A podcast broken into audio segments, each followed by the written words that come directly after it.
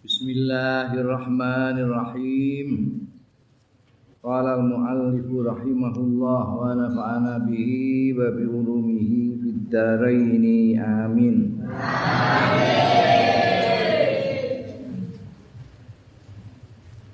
Al-khamisu utawi sing kelima iku tazkiyatun nafs iku ngapikno awake dhewe ngelem awake dhewe menganggap suci diri sendiri.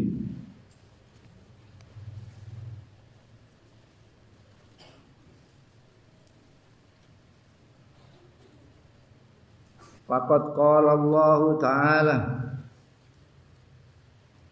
Monggo teman-teman wis dawuh sapa Gusti Allah Ta'ala wala tuzakku ampusakum.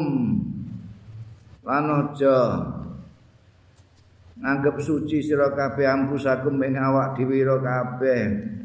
Ngaku paling suci paling bersih. Wa utai Gusti Allah iku alamu. Luwih pirsa.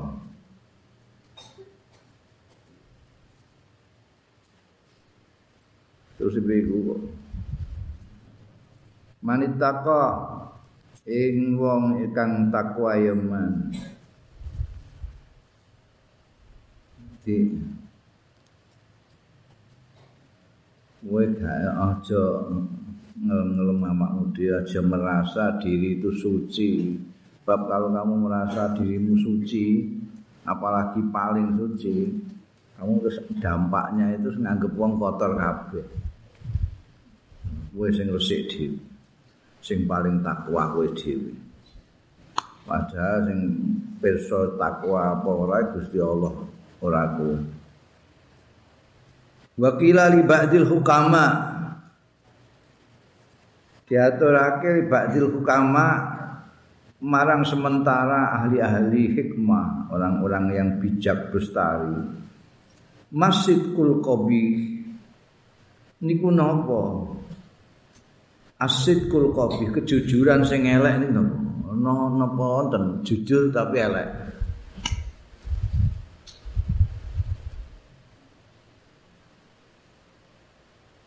Wakola apa wakola? Hmm? Ya? Wakola. Pak keliru awe kok rasane gak enak. Monggo jawab sapa ba'dul hukum hukama. Masjidku la. Wa qala la jawab sapa ba'dul hukama. Ana asidkul qabi yaiku sanaul mar'i ngeleme wong ala nafsihi. Ing atase awak dhewe kowe hebat pancen hebat tenan kowe pinter tenan ora usah deh ngomong aku pinter. Iku bener tapi elek Fa iyyaka anta ta'awwada dzalik ngongko wedya sira anta ta'awwada yen to ngulinakno sira dzalika ing mengkono-mengkono mau ngelem awake dhewe mensuci-sucikan diri sendiri. Ya. Wa lam lan ngerti sira ana dzalika. Setuhune mengkono-mengkono mensucikan diri sendiri. Iku yang kusuming kodr ming kodrika malah ngurangi. Ya dzalika ming kodrika saking pangkatira wa asale wis apik-apik. Dianggap pemimpin hari-hari gue melete bersih sendiri, nganggep suci sendiri, wong liya anggap kotor, malah jatuh yang kusum min qadrika indan nasi indan nasi mungguing manusa. Wa yujibu muktak wa yujibulan marahake ya zalik. Muktaka ing benduwira indallahi taala mungguing Gusti Allah taala. Ninggune wong kowe berkurang Wong asale ngurmati dadi kurang hormat kepada kamu karena mensucikan diri sendiri. Dan mungkin Gusti Allah dibendung Pak Ida Arabta mongko tatkalane ngarepake sira anta arifa ing yen weruh sira anna sana'aka ing setuhune pengalem ala nafsika ing atase awak dhewe ira iklaya zidu fi qadrika. Ora nambahi ngurangi mambahi ta ora. Layazidu ora nambahi ya sana'uka fi qadrika ing dalem.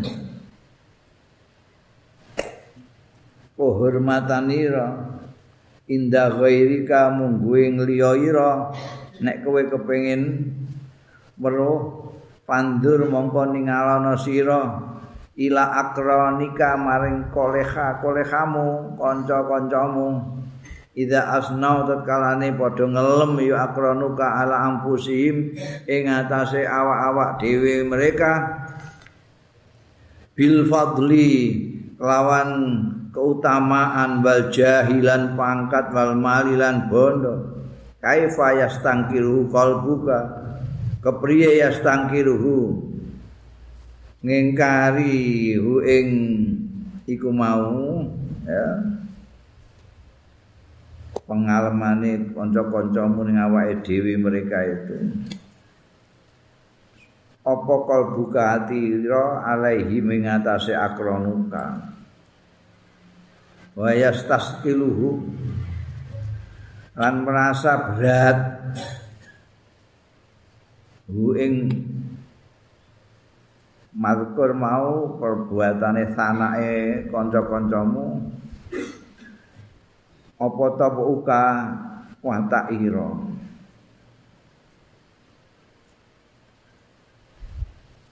wa kaifalan kepriye tazum tazumhum nyacat sira ing akronika alai ing atase sanauhum ala ampusihim Ida farok tahun tetkalane misai sira hum ing akronika. Pak Lam mongko ngerti sira annahum setune akronuka aidon halimane fi kali fi khali tazkiyatika ing dalem keadaan anggon nira nyucikake nafsaka ing awak dhewe ira yadzumunaka iku padha nyacat ya akronuka ka ing sira fi qulubihim. Ing dalem ati-atine akronika najizan. Saat hadir pada waktu ini ngomong itu wa sayudhirunahu lan bakal ngetokake iya akronuka Bu ing ora senenge mau tak nyacat.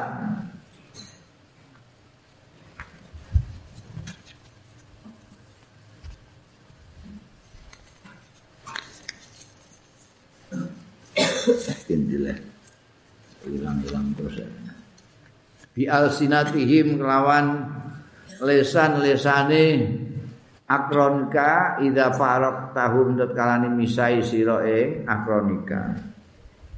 carane nek kowe kepengin roh bahwa ngelem awake dhewe semuji suci nganggep diri sendiri suci itu jelek kowe carane apa jenenge? Ndelok kanca-kancamu. Kanca-kancamu sing kelakuane ngono kuwi. Sing pamer sugih sing pamer pintere sing pamer kedudukane kowe nek roh ngono iku piye jae seweneng ngelem apa gegeten? Iku mesti kowe terus ning jero atimu langsung begitu tahu gitu mesti getem-getem ning kene. Begitu pisah dengan mereka mbok obrol wong jan. tak tahu diri potongan ngelem awake bersih sumuji suci sebaliknya itu udah kok pikir kamu kalau berbuat begitu mereka juga begitu batin iki wong apa kok gak disin ngelem awake dhewe? Mensuci-sucikan dirinya sendiri. Dibatin mergo ning ngarepmu jajal gak ning ngarepmu. Wis langsung dicatur kowe. Kalau masya Allah ngelem awake dhewe ngantek kepentut-pentut ngono iku ya. Rumang sari paling bersih dhewe paling suci dhewe. Koyo yuyu ngono Jadi walhasil kowe nek ana nek ana ngono iku premakna niku ne wong liya. Kowe umpamane arep sombong terus kowe delok kanca-kancamu sing sombong kowe ketoke seneng apa gak nek ana wong sombong. Nek kowe gregeten ya kowe harus mengetahui bahwa kowe nek sombong wong ya do gregeten kaya kaya awakmu kuwi. Iku tepo seliro dengan demikian kamu bisa hati-hati. Ya. Itu termasuk harus dijaga dari tazkiyatun nafsi. Ngelem-ngelem kebersihan diri sendiri. Asadisu sing nomor 6 iku alan iku alan laknat. Ngelaknati wong Pak iyaka mongko wedya sira antul ina syai'an yen to nglaknati sira syai'an ing suwi-wiji mimma. Saking barang khalaqallah sing nitahake sapa Allah Gusti Allah taala. Ayane ma khalaqallah nyatane min hayawanin nyatane kewan auto amin utawa pakanan au insanin utawa manusa. Bi ainihi kelawan awak dhewe ne insan. Wala taktok lan aja memastikan sira bisa hadatika kelawan persaksian ira ala ahadin ing atase seseorang seseorang min ahlil kiblati. Saking ahli kiblat artine sembayang dene. Sembayang madhep ning kiblat bisirkin lawan sirik au kufrin utawa kufur au nifakin utawa nifak. Ngono iki. Fa innal muttali'a mongko setuhune. Sing meruh ala sarairi ngatasé rahasia-rahasia batin. Wa ya al muttali iku namung Allah taala Gusti Allah taala. Fala tadkhul aja melok-melok mlebu bainal ibadi antarane kawula kawulane Gusti Allah wa bainallahi lan antarane Gusti Allah. Emangnya kamu wakil Gusti Allah kowe. Ojo pisan-pisan kowe nglaknati sesuatu apa saja yang diciptakan oleh Allah. Ku kurang ajar karo Gusti Allah kowe. Ciptaane Gusti Allah mbok laknati. Lagi gaweane wong ae terus mbok Hmm. Gawene sapa? Hmm. Brengsek. Sing gawe mesti bentuk. Ciptaane Gusti Allah itu bisa hayawan. Mbok laknati. Pakanan. Itu kan Gusti Allah kabeh. Menusa. Iki sakit usum nglaknati manusa. Iku mergo gak ngaji. Jadi ngaji ngerti nek ngono iku gak oleh. Nglaknati makhluke Gusti Allah. Lung jahat wong was macam-macam lah. Kowe jangan sekali-kali memastikan persaksianmu terhadap seseorang bahwa yang dia masih sholat menghadap ke kiblat. Terus mbok sirik-sirik no, mbok kafir-kafir no, mbok nifak-nifak no, Jadi kamu terlalu berani memasuki wajene memenangi Gusti Allah terhadap hamba-hamba. Mensirikkan orang, mengkafirkan orang, menifakkan orang itu kawasan antara Gusti Allah sampai kawula Kowe kok melok-melok ning kono untuk mandat ke sapa kowe. Kaule. Hati-hati kowe. Biasane ngene iki wong sing rada duwe pinter sithik, ngono ngerti sithik ngono iku. Ngerti sithik terus melete ngono kuwi. Ziarah kubur sirik. Ngono. Iki gak ditakokno sik mbekan wong sing ziarah kuwi, kowe kok ziarah kubur lha apa? Ora tau langsung nyekseni kaya-kaya wakile Gusti Allah, sirik iku. Kok takokno sik ah. ke ziarah. Wah, jawabane gak ana wong. Oh, oh miras piknik kok. Ngono, ana sing ana ana sing ngono. Ana sing Aku wis suwe gak tau melok iku ziarah-ziarah iku aku gak ziarah. Wis suwe aku gak tilik kuburane bapakku aku tilik ana sing yo aku ben eling mati lah. Aku selawase kok rumangsa urip terus. Dalane kuburan iku. Ana sing jawabe kaya Syekh Bahlul. Nek apa kok senengane ning kuburan? Aku seneng ning kuburan iku. Gak ana sing rasan-rasan. Gak ana sing fitnah-fitnah gak ana sing pisah-pisahan. Apik kabeh anteng kabeh Jadi kowe nek menyaksikan aja kok melete dengan pasti itu. memfonis orang dengan pasti tidak bisa. Itu Gusti Allah itu. Ya, wilayah Gusti Allah mbok lebon. Mbok laknati, mbok kafir-kafirno. Kowe gak cocok perkara nyoblos ae kok mbok kafirno. Lah iku tambah gewendeng nih wong iki. Oh, teke untuk pilkada tok ae. Ya, cocok pilihan kok tuh. ngapir-ngapir nong nipak-nipak nong wong la ilaha illallah kudu kok mbok pek dhewe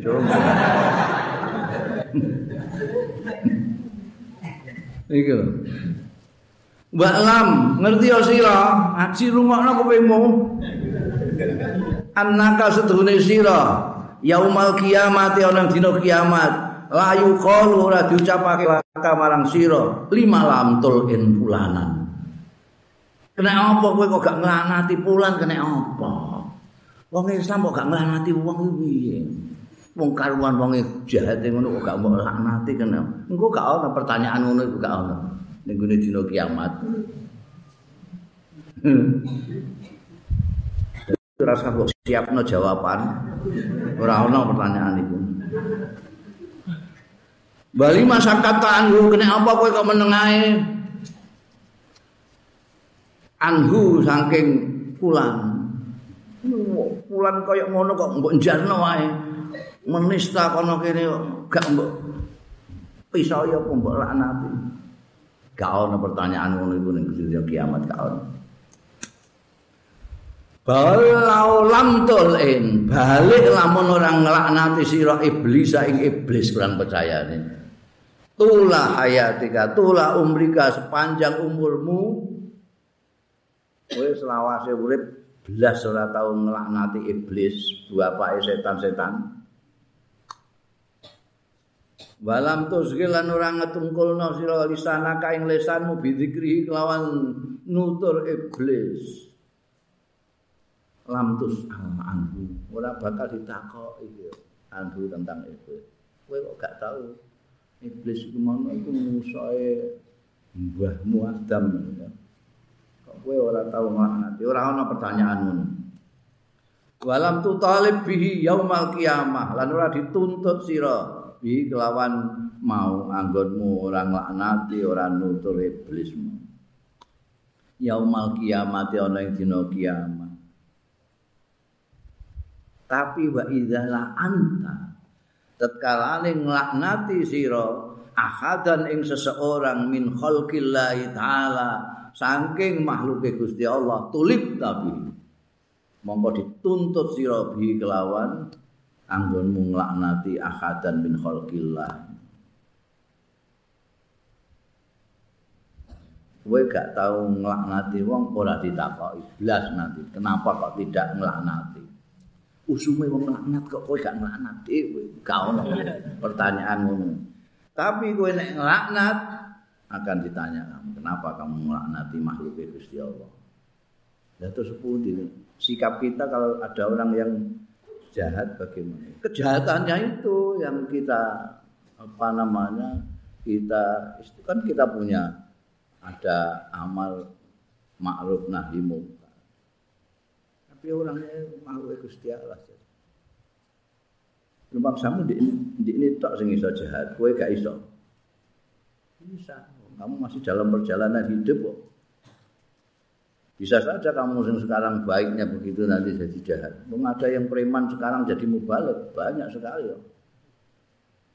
Preman, papir, melbu Islam jadi mubalik. Pantri ini pirang-pirang. Mungkin termasuk kue barang itu. Itu jangan Bala tazumanna syai'an mimma khalaqallahu ta'ala. Ojo nyacat temenan. Iku ana nun tauhide. Aja nyacat temenan sira saean ing suwiji-wiji mimma saking barang khalaqallahu taala sing nitahake sapa Gusti Allah taala bahkan kanjeng Nabi fakat kanan Nabi sallallahu alaihi wasallam. La yazum ta'am. Ora tahu nyacat itu gak tahu atau ama yang pakanan arrodi asing elek. Kotu babar bisa. Kancing nabi ku disuguhi daharan welek kaya apa? Belas ora tahu adik moyo roti itu kok gandum-gandum titai Gusti Allah iki kok belas campur kerikil ngene kok dipakakno wong gak ono ngono iku. Moyo iku gak ono. Blas gak tau. Iki mak apa? Ya Allah. Iwak potongane ritok lho. Gak tau ngono iku. Iki ndas pedus apa kok ngomong ngene malote ya Allah. Iki ndas pedus wing wis 70 tahun Gak tahu belas kanjeng Nabi. Kotu itu belas. Tapi kanjeng Nabi balkana balik ono sapa kanjeng Rasul sallallahu alaihi wasallam. Idza staha tatkala ni kepengin saya ning apa-apa akalahu mongko daha sapa kanjeng Nabi ing syekh? Wa ila taratu ora tinggal. Suguhan ning ngarepe apa? nang arepe kok ketoke kok dicipi antose ra kare mesti tinggal ngono ora kok terus di makna dipoyok. Iki kanjeng nabi. Ora kok terus ngamuk foto sing sengeni kabeh lak nanti kabeh asabiu yo eling-eling iku hati-hati saiki usume wong laknat senengane nglaknati. Ngono puas ngono kok piye nek nglaknati wong. Mangsane nek iso nglaknati wong terus wong nganggep dikne wong apik dhewe ngono piye. Asabi utawi sing nomor pitu addu'a alal khalqi. Perhatikan addu'a ala itu ya Donga iku ana sing ala, ana sing nganggo lam, ana sing ala. Ana doa alal khalqi, ana doa lil khalqi. Wis bolak-balik tak kandakno nek ala itu negatif. Nek lam positif.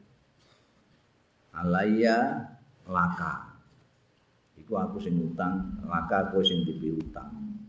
Nek alaika li kowe sing diutang ning gone aku. Donga ya gitu. Addu'a li iku artine ndongakno apik.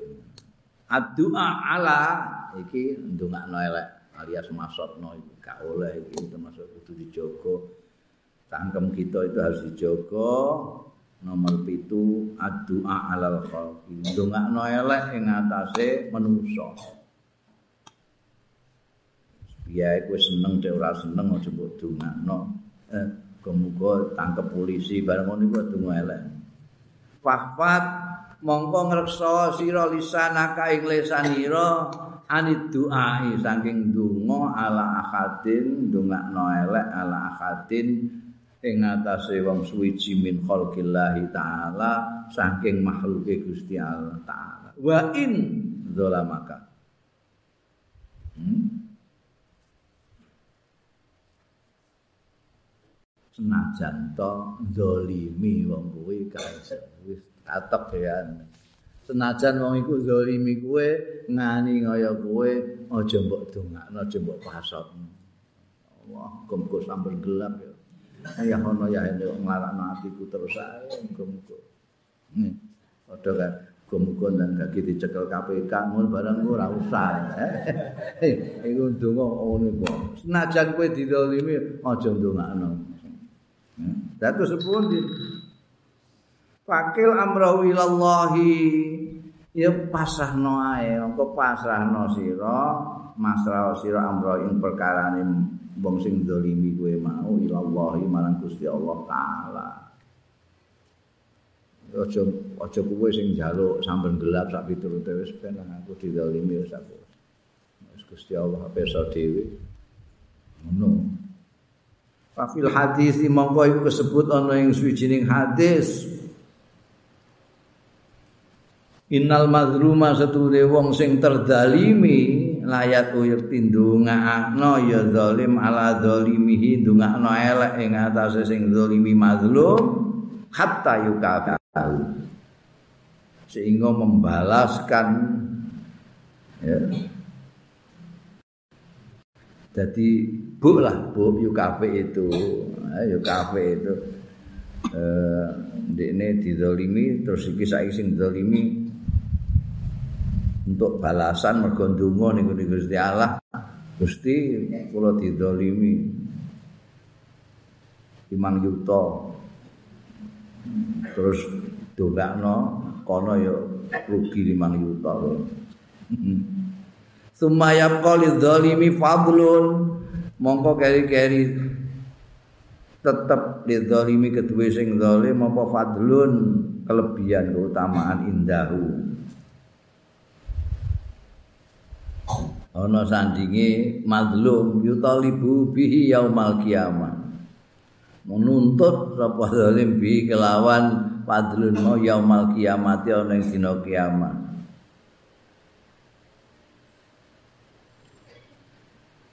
Jadi kowe dizalimi wong terus kowe ndonga mbok pasot. Wis dipasot. Ngene. Wis dipasotno. Turah ndikne isih duwe kowe isih duwe keapian niku ndikne. Nanti dituntut. Kan minggune akhirat itu hitung-hitungan jenenge hisab itu hitung-hitungan. Dihitung.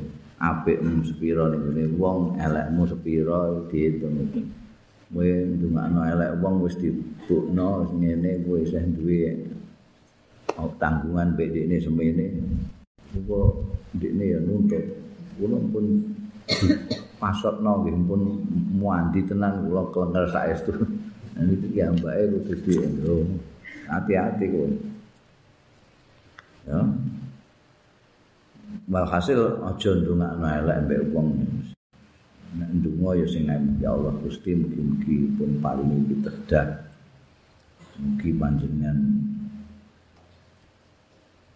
paringi hidayah. Ngono aja. Sampun gelap barang ngono tubruk truk barang ngono kan. Eh, eh. Wa tawala ba'dun nasi lisanahu alal hajjah kan berpanjang-panjang. Sapa ba'dun nasi sebagian manusa ndawak-ndawakno lisanahu ing lisane iku artine wah ngrembug eleke. Alal hajjah ing atase al hajjah ana tokoh panglimane Muawiyah Jadi Muawiyah itu duwe panglima yang kemudian diwarisno niku ne anake. Yazid bin Muawiyah terus genteni Muawiyah ketika Muawiyah meninggal genteni Yazid. Iku wah terus jadi panglima besare kerajaan jenenge Hajjaj As-Saqafi. Wajem wajem wong nyebut jenenge rawani oh sithik bet sithik bet. Pedang itu. Pokoknya pikiran itu gak dikenekno. Iki wong gak dawedi ambekan. Termasuk sing nyerbu Abdullah bin Zubair iku saya ponakane Sayyidatina Aisyah. Sing anu Sayyidina Husain. Putune Kanjeng Nabi.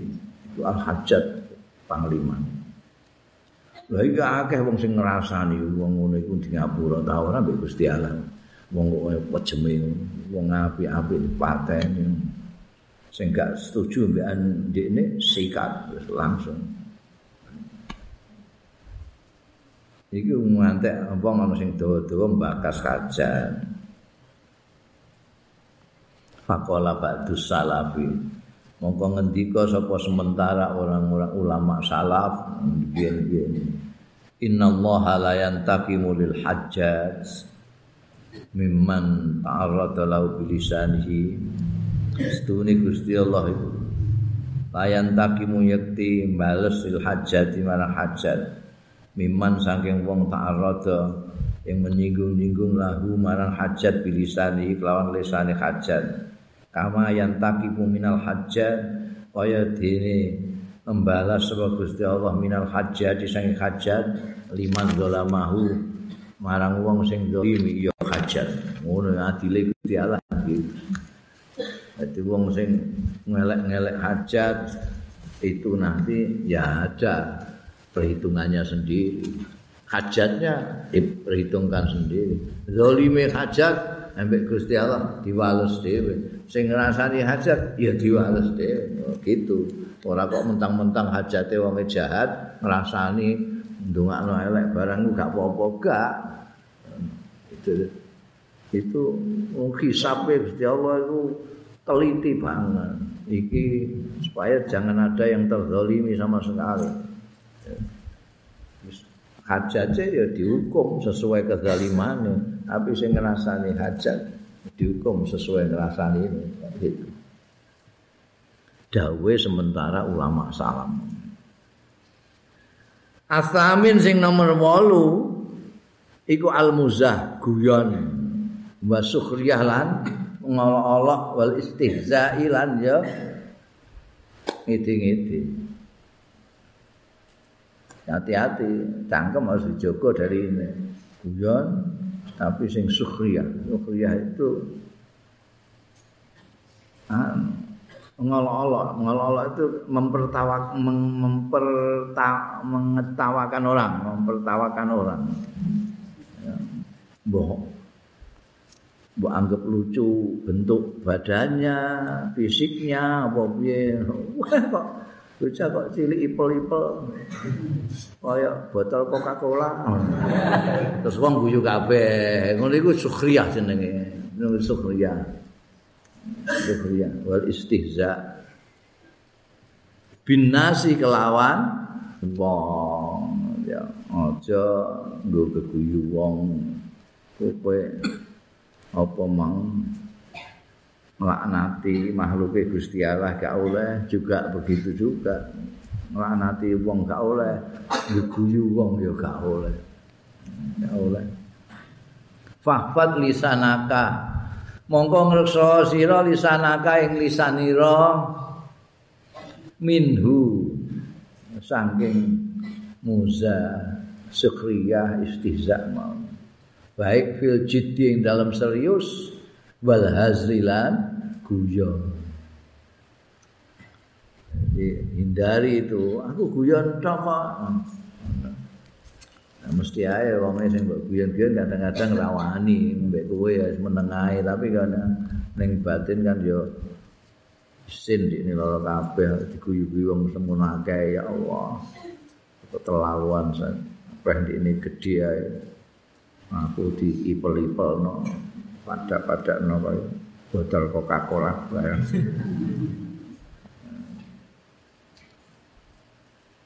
Ojo, jadi jogo lesanmu dari begitu, meskipun kamu sedang serius ataupun sedang guyon, tidak boleh memperolok-olok orang itu. Kula namun guyon, guyon lah, ojo. Pak inau yariku to yuriku ma'al wajhi muzah sing kaya ngono mau iso ngesokno banyune ngutahke banyu rai. Hmm. Piye maksudnya? Banyu rai itu istilah untuk menunjukkan orang itu terhormat, orang itu dipandang terhormat. Orang kalau mandang dia terhormat, orangnya hmm, apa berwibawa nyegani gitu.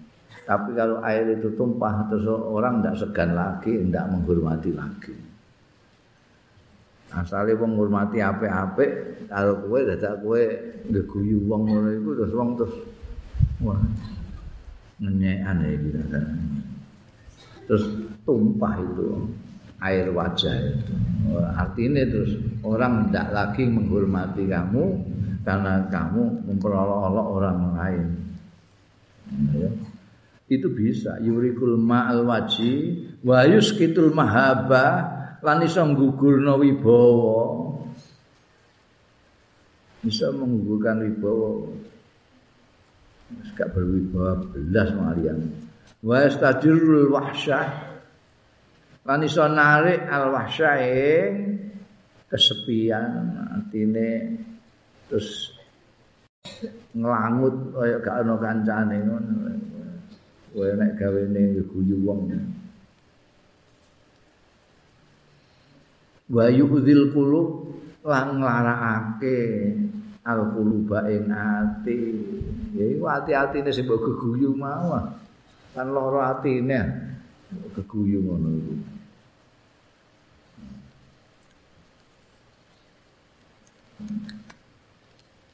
pidato keliru mbok tiru-tirutno ben diguyu kancane ngono iku kan jadi ini gak enak kabeh. Loro ati. Wa huwa utawi muza sukhriya istihza mau iku mabdaul lajaj wal ghadab. Iku kawitane tukaran wal ghadab pilan muring-muring. Wa tasarum mabdaul lajaj wal ghadab wa tasarum lan pegotan. Wis kowe ngantek ambek kancamu pisahan itu ya gara-gara itu mau kowe memperolok-olok. Jadi tukaran itu ya mergo memperolok-olok. Nek kono gak wani wek kowe gak dadi apa. Nek ndine wani kan wenti ngolok-ngolok kowe. Kowe ra terima tambah dhuwur untuk ngolok-ngolok kono ya gak terima tambah walek itu ya terus tukaran. Tukaran terus jutaan tasarung itu. Wayah rizu wayah rizu lan menanamkan al-hikda ing drengki kedengkian kebencian fil qulubi ing dalam pira-pira ati. Mangkel mangkel mangkel mangkel terus dendam barang ngono kuwi. Palatus mazih mengkojo menyandai sira guyoni sira memperolok-olok sira akadan ing seorang pun. Fa'in mazahaka ahadun mongko lamun guyoni ing sira sapa akadun wong suwiji falatu jibhu aja mbok bales falatu jibhu mongko aja jawab sira ing ahad wa arid lan mengo sira anhum saking orang-orang itu sing apa namanya arep memperolok memperolok-olok kamu. Hatta yakhudu sehingga nyemplung ya mereka fi hadisin ghairihi ing dalam percakapan liyane. Nek ana wong ngelek-ngelek guyu-guyu wong wis tinggal ae aja tengok-tengok mbek mereka kowe melak-melak dosa wis tinggalno saja. Sampai mereka sudah ganti pembicaraan. Mungkin ya pembicaraan wis ora ngolok-ngolok wong kowe arep tengok-tengok neh bareng mereka ndak apa-apa. Selagi mereka mem mempertawakan orang lain kowe ora usah melok-melok Wa kun minal ladzina idza marru bil lagwi marru kirama. Wa kun lan ana sira minal ladzina termasuk wong-wong idza marru tatkalane liwat bil lagwi kelawan lelahan. Lelahan itu sesuatu yang tidak ada gunanya.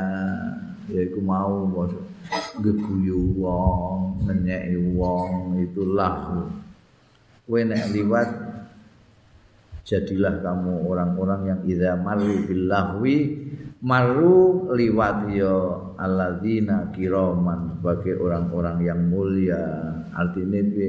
Kowe nek pancen liwat ning ngene kono kok aja liwat terus melok-melok geguyu wong melok-melok terlibat.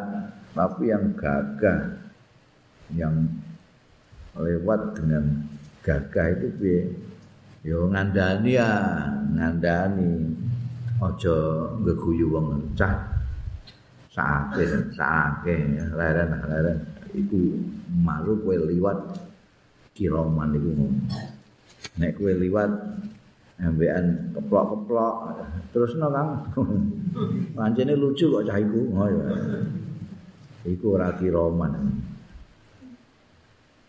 Eh, eh bahadi mongko utawi iki kumajami afatil lisan kumpulane bahaya-bahayane lisan.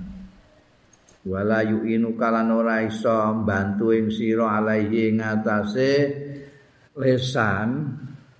Artine jaga lisanmu dengan bahaya yang sekian banyaknya itu. Ora iso nulungi awakmu sapa ilal uzlah kejaba mencil. Uzlah iku dhewe aja kumpul wong nek kumpul wong nek gak jak ngrasani dijak ngeguyu wong ndak ngolok-olok wong dijak nglanati wong dijak misai wong dijak wis lesanmu katut kabeh. Ya sekono munggah gunung mencil ning dhuwur gunung ngono iku kowe lesanmu kayak sapa apa dene au mulazamatu sumti nek ora ya netepi meneng. Illa bi qadri darurati kejaba kelawan seukur darurat. Nek kowe gak gelem ning dhuwur gunung usah jaman kaya ngene kok ning dhuwur gunung. Nah akeh gunung bledos kok kebledosan malah Tapi ya wis netepi meneng ae meneng nek ora perlu ya usah ngomong. Nek perlu-perlu tok ae.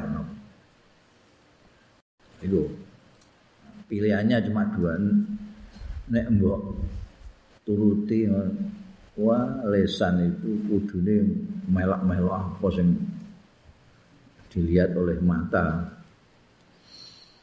Fakat kana Abu Bakar ini Siddiq mongko teman-teman ono sapa sahabat Abu Bakar As-Siddiq radhiyallahu taala anhu yadau meletakkan ya Abu Bakar Siddiq hajaran ing watu fi fihi ing dalam tutuke sahabat Abu Bakar. Sahabat Abu Bakar duwe kebiasaan ngemut watu. Untuk apa itu? Liyamnahu supaya nyegah ya watu mau hajaran hu ing sahabat Abu Bakar nyegah dalika ing mengkono-mengkono mong kosong lelahan sak untuk menjaga lisan. Minal kalami saing guneman biwairu daruratin kelawan tanpa darurat.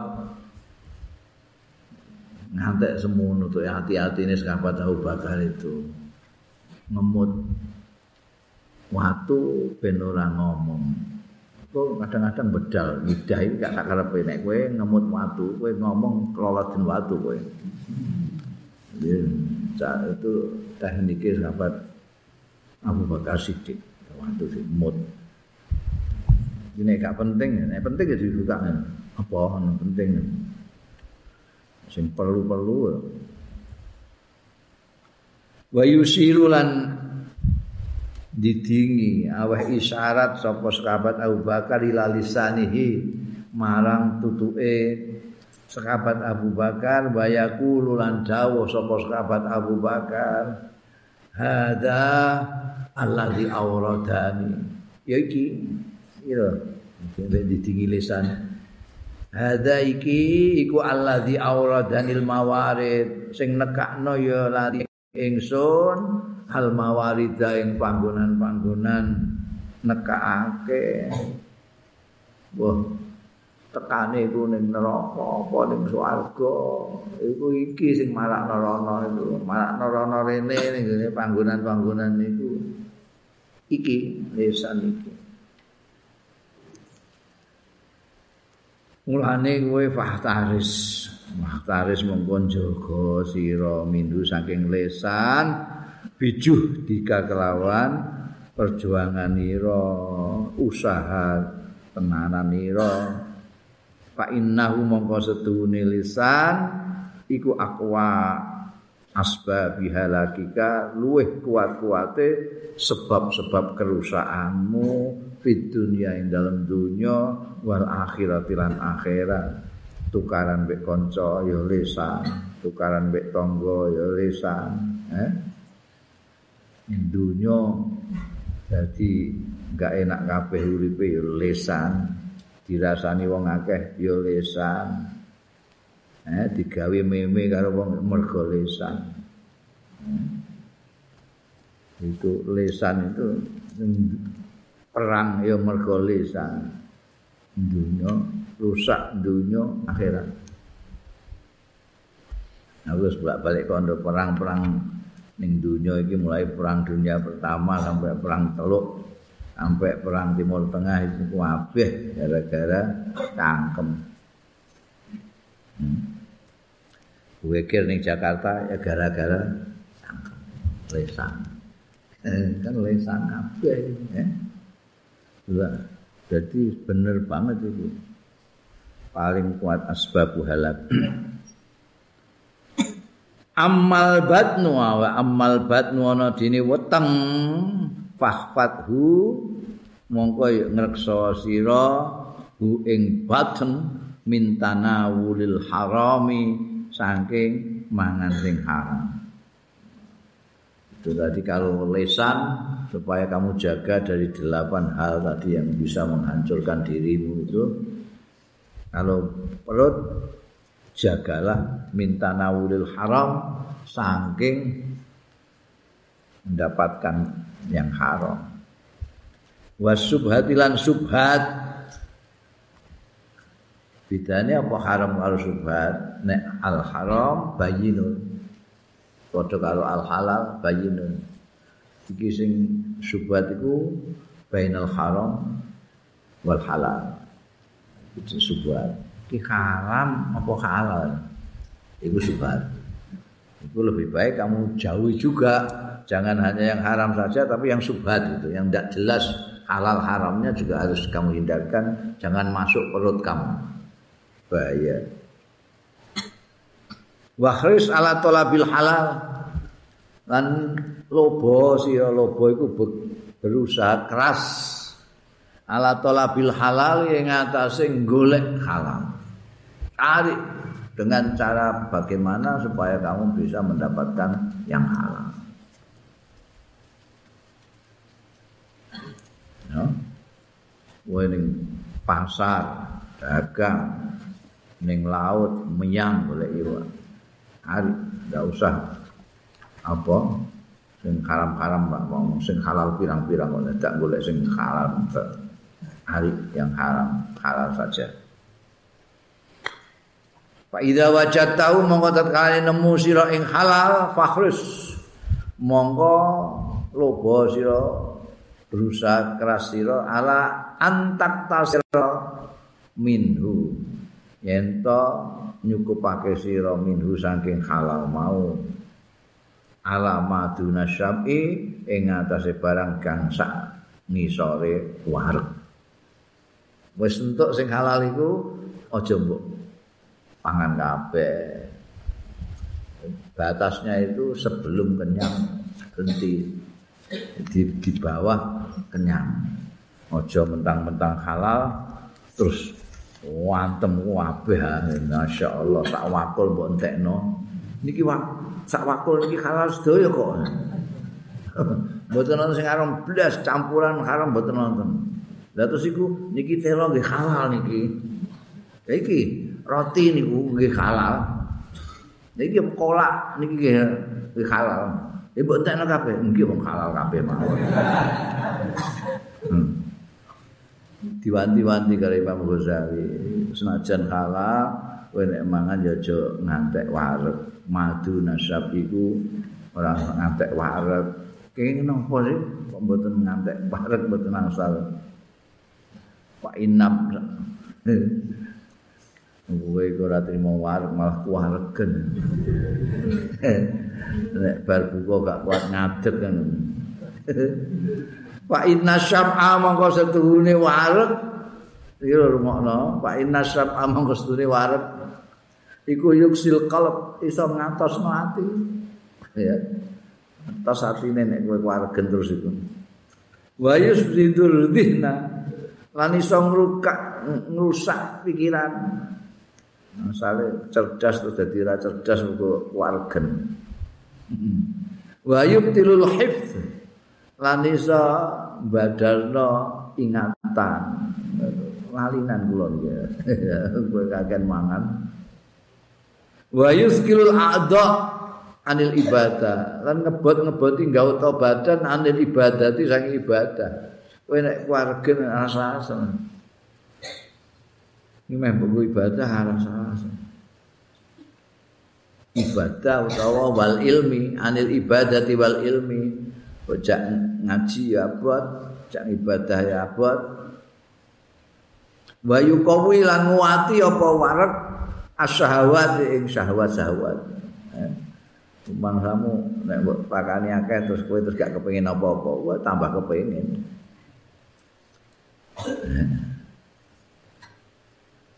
Wayan suruh junud syaitan.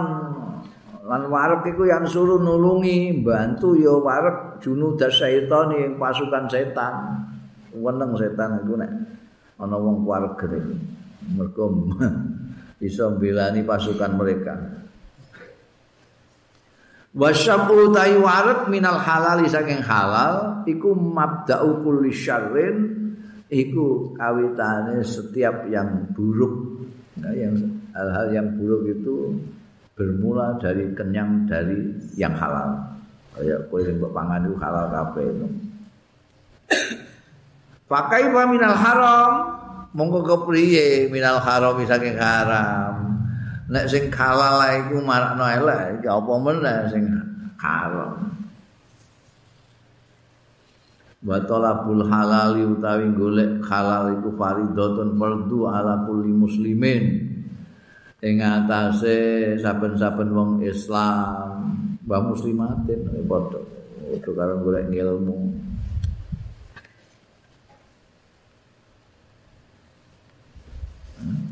wal ibadatu ta ibadah wal ilmu lan ngaji golek ilmu ma'aklil haram sartane mangan sing haram iku kalbina kaya mbangun ala serjine ngatasé pluruan. Pondasine kok kluruan bar ngono ae hati-hati nggone pakanan sing golek sing halal. Nek wis entuk sing halal yo aja mbok entekno kabeh aja ngantek waregen aturane gitu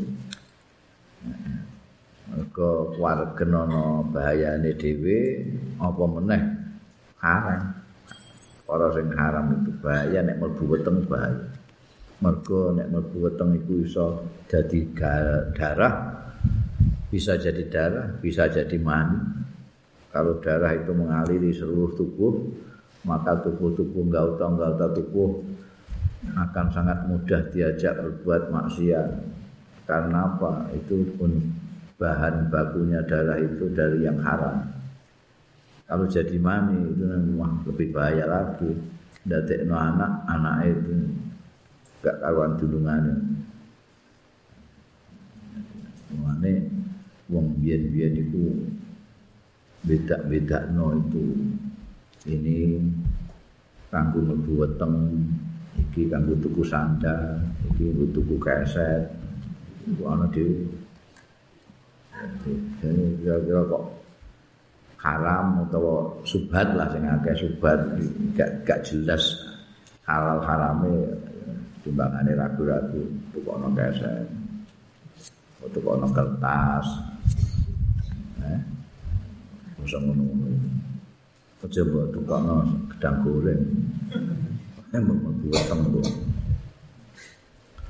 Eh, fa idza qanata fis sanati tetkalane kowe gelem nrimo. Kowe gelem nrimo fis sanati ing dalam setahun bi komisin khashin kelawan klambi sing kasar-kasaran ngono ya. Aja sing alus kaya klambiku ngene iki. Sing kasar sing kasar. Drill apa-apa jenenge? Sing kasar iku apa? Kaya sing kaya glangse apa. Dia nono apa pakaian sing kasar iku apa? Apa jenenge ana mbiyen istilah lambi apa lambi kaine lho kain. Mekawe ya, mekawe apa sing kasar. Nek kowe gelem nimo setahun itu pakaiannya siji sing kasar.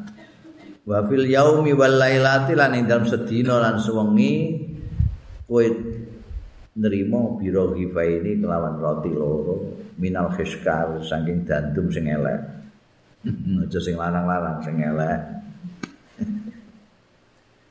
Wa tarab talan tinggal sira at-taladzuza ing menikmati nikmat-nikmatan bi atyabil udmi lawan luwih enak enake lawuh lam yu'awizuka lam yu'awizka minal halal mayakfika maka orang ngalang-alang yang sira minal halal saking sing halal ah, barang yak yakfika ya. Hmm? mayakfika barang kang nyukupi ya maing sira.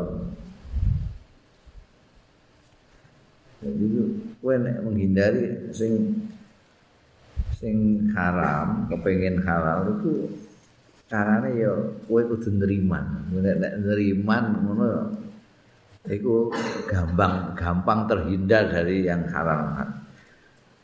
Jadi neriman itu piye ya kowe rasa kepengin nganggo lambi wol gabardin, oh, apa nganggo lambi sing alus-alus sutra diwangga barang ngono iku ora usah. Blaco. Blaco. Kowe lambi blaco ae setahun wis lambimu iku ae. Blaco iku umbah-umbahane gampang kering kering itu. Eh, blaco iku mbok umbah sediluk wis garing. Kok nek bar mbok nggo umbah garing gune setahun cukup itu.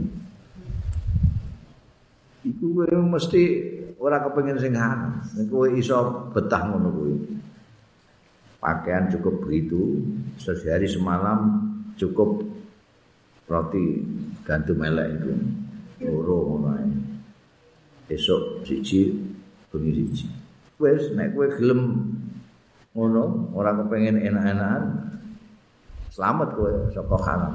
Sing manakno wong golek haram itu Wah, pakaian kudu ganti, ono pakaian pagi, pakaian siang, pakaian sore, pakaian resepsi, pakaian arisan, pakaian wah, pakaian ini wirang-wirang. Lemari nanti pitulah suka sedeng kabeh. Pakaian itu. Iku. Nah, iku nek penghasilannya ora cukup kan ya terus golek sing pakanan ya ngono. Terus apa? Segane iku gak gelem sego sing berase krosok njaluke raja lele di blender ngono lawe kudu renono ono cumine ono wae ono iwake wedhus ono iwake ayam segala macam. Nek penghasilannya gak cukup ayo ya, nyelindut nyelindut korupsi barang. Sing haram barang itu sangat nek kue terima ini eh?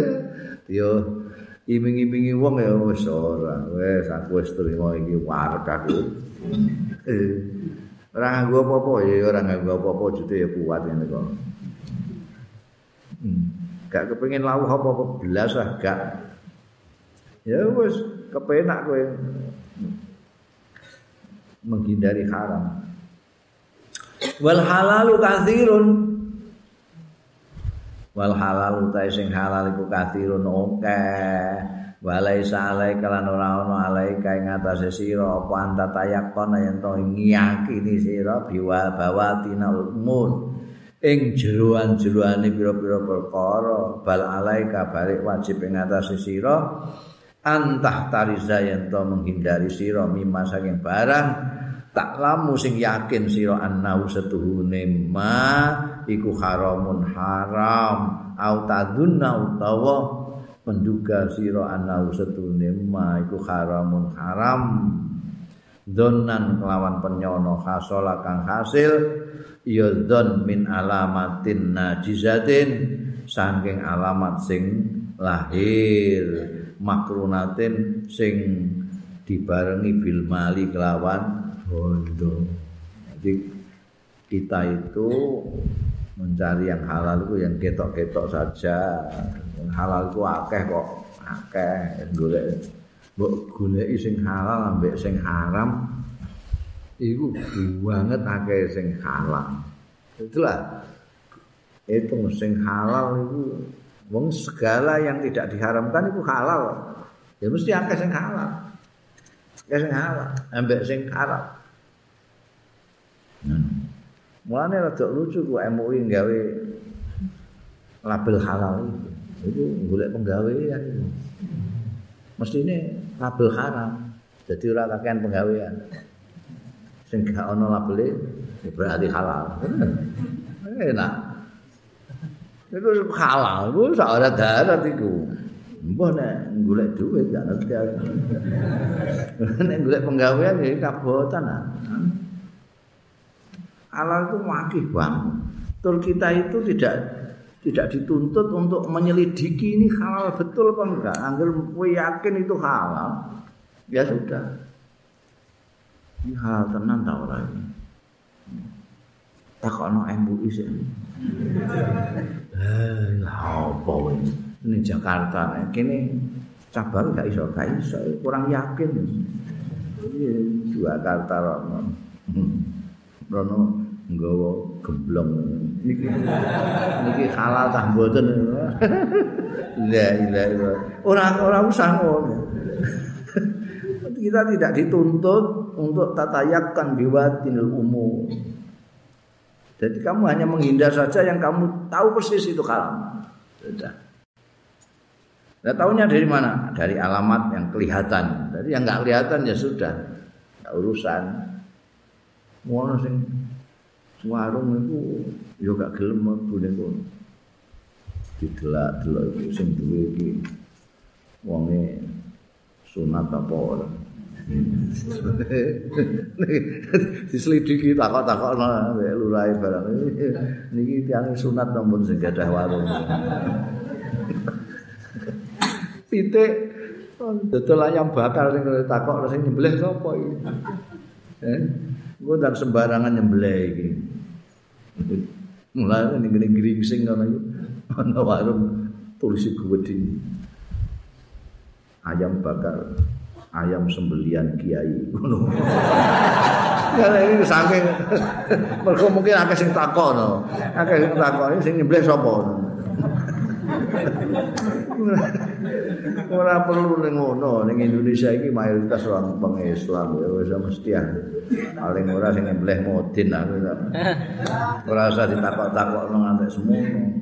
Hmm? Delok alamate secara lahiriah kaitane bono. kira-kira iki piye iki contone rada aneh juga iki wa amal maznunu bi alamatin. Ana dene sing diduga. Diduga ana harame utawa subat.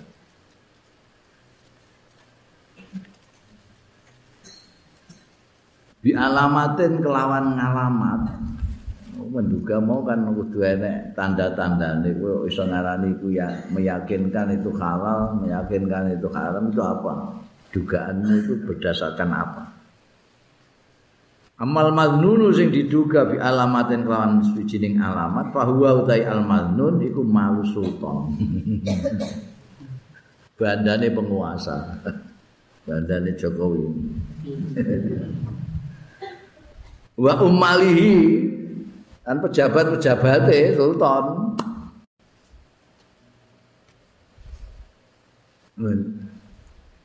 bandane menteri. Bandane gubernur. Andane bupati. Andane penguasa lah kabeh itu bandane mbok juga dengan alamat-alamat. Kira-kira hasil korupsi apa orang Wa maluman lan bandane wong lakas balau sing ora ndi penggawean iku maujud lau kedeman. Illa minan niyahati kejaba saking niyahah. Ning niyahah iku nek kene gak ono. Ana iki bondone wong sing penggaweane mok niyahah tok, gak ono liyane. Niyahah iku ning kene ketoke gak ono gak tau tuman mbon ning luar Jawa ya tak temanku ning Jawa gak niyahah itu penggawean nangis nek ana wong kepaten terus diundang ana beberapa orang perempuan no, grup niyahah itu niku. Aku nangis niku. Nangis ya ora terus ya ngenteni ana tamu teko tamu kadang-kadang mbek duwe-duwe Masya Allah kehilangan betul mas. Kok sampai mati itu gimana? Nek tamune lunga ya wis leren. Ngobrol ngopi-ngopi ne. Ngono tamu tekone. Iku niaha. Ini kene kita gak ono. Ini luar Ini Arab itu lucu. Jadi nek ora nek ora apa jenenge ngongkosi wong wedok-wedok sing nangis iku gengsi wong iki. Iki mati kok dinjarno gak sing nangis belas iki. Berarti wong iki wong elek iki. Mati kok gak sing nangis.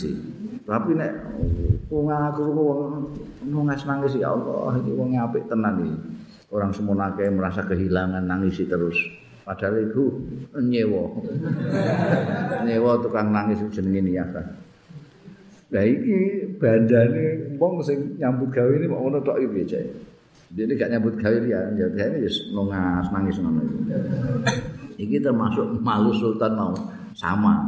Jadi yang harus diduga. Ya, diduga.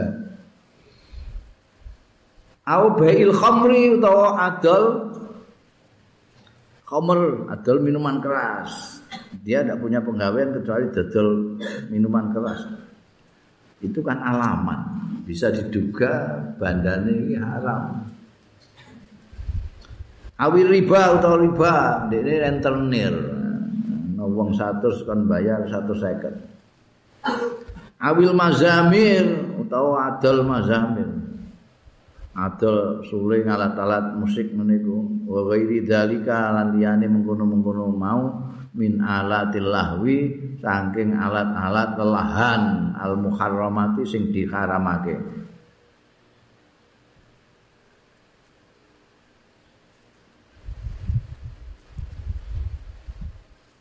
Fa innaman mongkostune wong. Alim ta sing ngerti sira. Anak aksara mali ing setuhune akeh-akeh bandane man iku haramun haram qat'an secara pasti. Fama ta'khudhu min yadihi. Monggo barang sing ngalap sirahu ing man maluhu ta'khudhu min yadi sing tangane man. Wa in amkana lan senajan mungkin ayakuna yen ana sing mbok jikuk iku mata khudu. Ana iku halalan halal nadiron sing biasane langka ngono iku. Bahwa mongko utawi mata khudu iku haramun. Haram. Ya. Kowe nek roh ana wong kowe ngerti yakin wong kowe kenal bahwa akeh-akeh bandane iku saka haram saka haram. Bahkan gue kadang-kadang gak tumen sing halal kon didik ini. Wong kan bondo kadang-kadang macam-macam. Ana sing kok haram ana sing kok halal ana sing kok subuhan. Lah kowe roh nek wong iki akeh-akeh haram bandane kowe terus entuk duit kon ini senajan duit iki pas duit sing ora kok haram. Kemungkinan dari yang halal itu pun haram tidak boleh. Fi annahul ghalib alasane karena setuhune mata khudu iku al ghalib. Ala dhanni sing lindih ala dhanni ing atase penyono.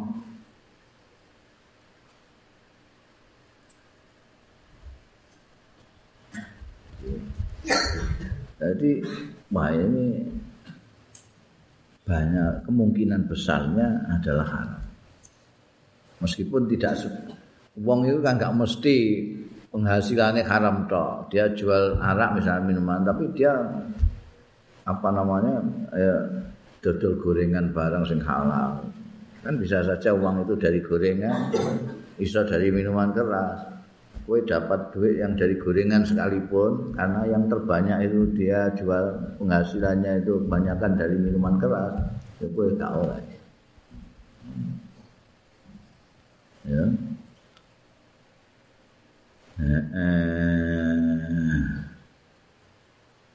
Wa minal haramil mahdi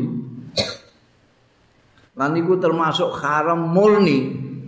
Wis ora ana subhate, wis haram haram iku ana sing murni, halal ana sing murni. Nek kowe nandur-nandur dhewe apa sini sing mbok pangan iku pari mbok tandur dhewe, lombok mbok tandur dhewe benihnya juga mbok tuku dengan halal segala macam terus mbok pangan-pangan dhewe iku halal murni hasil. Mulane nek sing dadi petani ku aja didol kabeh. Dua enek sing disediani kanggo dipangan dhewe. Mergo iku halal. Nek turah sok dari yang dimakan baru dijual. Biasanya itu didol kabeh gabal. Padahal nek wis tombol mbekan tengkulak mbekan segala macam itu pun ini nempur itu gak iso semurni ketika dia panen saka sawahe dhewe hasil tandurane dhewe. Hmm, ya. Haram mahdi di antarane mayu kalau minal auqaf masyaallah naudzubillah min utawi barang yuk kalau kang dipangan ya ma minal auqaf saking wakaf wakaf. Min ghairi syartil waqifi saking liyane syarate wakif. Mergo wakaf itu ala syartil wakif. Sing makafno iku nentokno piye syarate piye. Iki kanggo pendidikan. Ya kudu kanggo pendidikan. Lah ana wong ora bekerja ning pendidikan ra apa mangan kuwi tidak termasuk syaratul wakil haram murni haram. Hati iki kanggo masjid. Duit kanggo masjid kanggo masjid kabeh kecuali wakife syarat ambean sing ngurusi masjid misalnya. Itu bisa. Tapi nek ora nggak bisa. Paman lam yastaghil bitafaqquh mongko supane wong lam yastaghil sing ora ketungkul iya man bitafaqquhi kelawan pendidikan pengajaran agama tafaqquh itu Pama yakhudhu minal madaris mongko utawi barang sing ngalap ya manhu ing ma minal madaris saking madrasah-madrasah haram iku haram. Ini orang ngurusi belas orang ngurusi pendidikan pengajaran ra apa ini melok-melok mangan duit madrasah haram.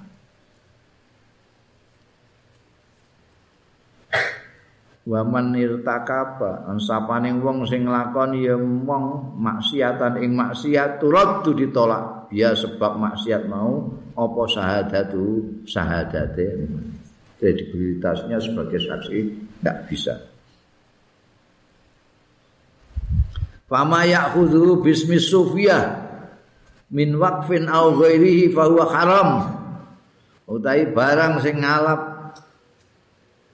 ing ma apa wong ing ma? Bismi sufiyati kelawan atas nama wong sufi. Ngambilnya min wakfin saking wakaf au utawa liyane. Wa huwa mongko utahe ma yakhudhu iku haramun haram.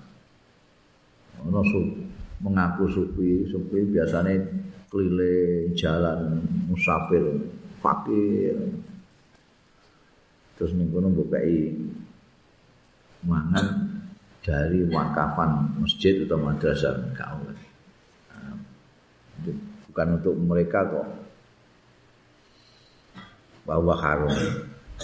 Waqad dzakarna lan teman-teman nutur sapa ingsun madakhila subuhati panggonan mlebu-mlebune subhat subhat wal halali wal haram lan sing halal lan sing haram fi kitabin mufradin ing dalem bab sing tersendiri ming kutub ikhya ulumiddin saking bab-babe kitab ikhya ulumuddin Gune-gune anu kitabul halal, kitab anu gune ikhya itu anu. Fa'alaika mongko tetep ana ing sira bitolabi kelawan goleki kitab mufrad min kitabul ihya iku mau. Fa inna ma'rifatal halal golek dhewe kono ning kitab ihya ya. Ana bab khusus tentang subuhat halal haram. Golek iki kono. Penting fa inna ma'rifatal halali monggo sedune ngawruhi sing halal. Wa talabilan golek sing halal iku faridatun fardu ala kulli muslimin ing atase saben-saben wong Islam kasolawatil khamsi kaya dene sembahyang fardu golek halal itu wajib kaya dene wajib salat jadi aja gemampang pengen roh seluk beluknya dengan lebih rinci. Boleh ini ini kitab Ihya Ulumuddin karangan Imam Ghazali juga di bab halal haram subhat wa amal farj saiki zaman gak jelas ngene iki tambah itu ngerti mana yang haram mana yang subhat wa amal farj ana dene kemaluan yang harus dijaga lisan dijaga perut dijaga kemaluan dijaga wa ammal farj. Fahfadhu mongko ngreksa sira ing farj. Angkul lima haramallah saking sekabehane barang sing ngaramake sapa Allah taala. Wa kun lan ana sira kama qala Allah taala. Kaya dene dawuh sapa Allah taala والذين هم لفروجهم حافظون إلا على أزواجهم أو ما ملكت أيمانهم فإنهم غير ملومين والذين لن wong wong iki Gusti Allah berfirman dalam rangka mensifati memerikan orang-orang yang beriman. Wong-wong hum kang utawi aladina li furuji marang kemaluan-kemaluane aladina iku hafizun padha jaga kabeh illa ala azwajim kejaba ing atase bojo-bojone aladina. Au malakat aimanuhum utawa barang kang miliki apa aimanuhum angan tangan tengene. Ya. budak belian saiki wis gak ana malakat aiman mbah nek sampeyan-sampeyan ana Iki sing fa innahu mongko setuhune alladzina iku ghairu malumin ora dicacat. Nek iku bojone dhewe mereka menjaga kemaluannya. Kecuali untuk suami istri-istrinya sendiri itu. Eh wala tasilulan ora tumeka sira ila hifdzil farj. Maring ngreksa kemaluan illa bi hifdzil aini kejaba kelawan ngreksa mripat anin nazari saking ningali. Wa hifdzil qalbi lan lawan ngreksa ati anit tafakkuri saking ngelamun mikir-mikir. Wa khifdil batni lan ngreksa weteng anis subhati saking subhat wa anis syab'i lan saking wareg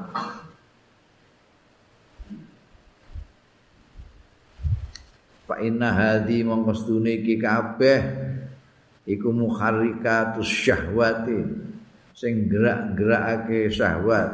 Apa muharrikatun sing padha iso gerakake li syahwati marang syahwat. Wa magharisiha lan dampak-dampake syahwat asal usule syah magharis itu eh, akar-akarnya syahwat kowe nek arep ngreksa kemaluan harus ngreksa mripat gak iso sampai kowe ngrekso kemaluan tapi gak ngrekso mripat.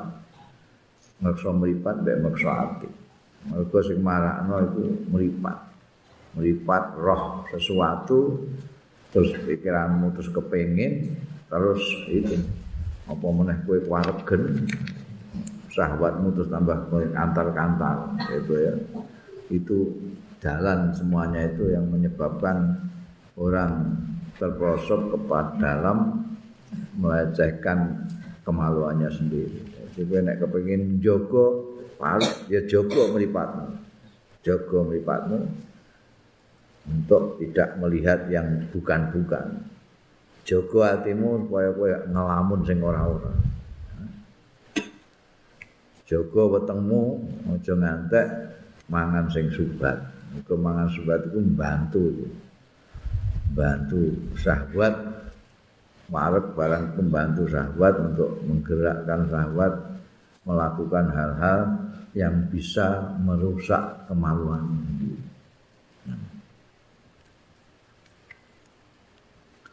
wa amal yadani ana dene tangan loro. Tangan loro. Fahfat huma mongko ngreksa sira ing yadani an antadriba saking yen to mukul sira bima kelawan yadani musliman ing seorang muslim. Wong meneh bojomu dhewe meneh anakmu dhewe. Aja sampe tanganmu mbok ngeplak wong sama sekali. Au tatanawala utawa mbok ngunjukuk bima kelawan yadani malan haraman ing bondo sing haram. Tanganmu aja mbok nggo sesuatu yang haram.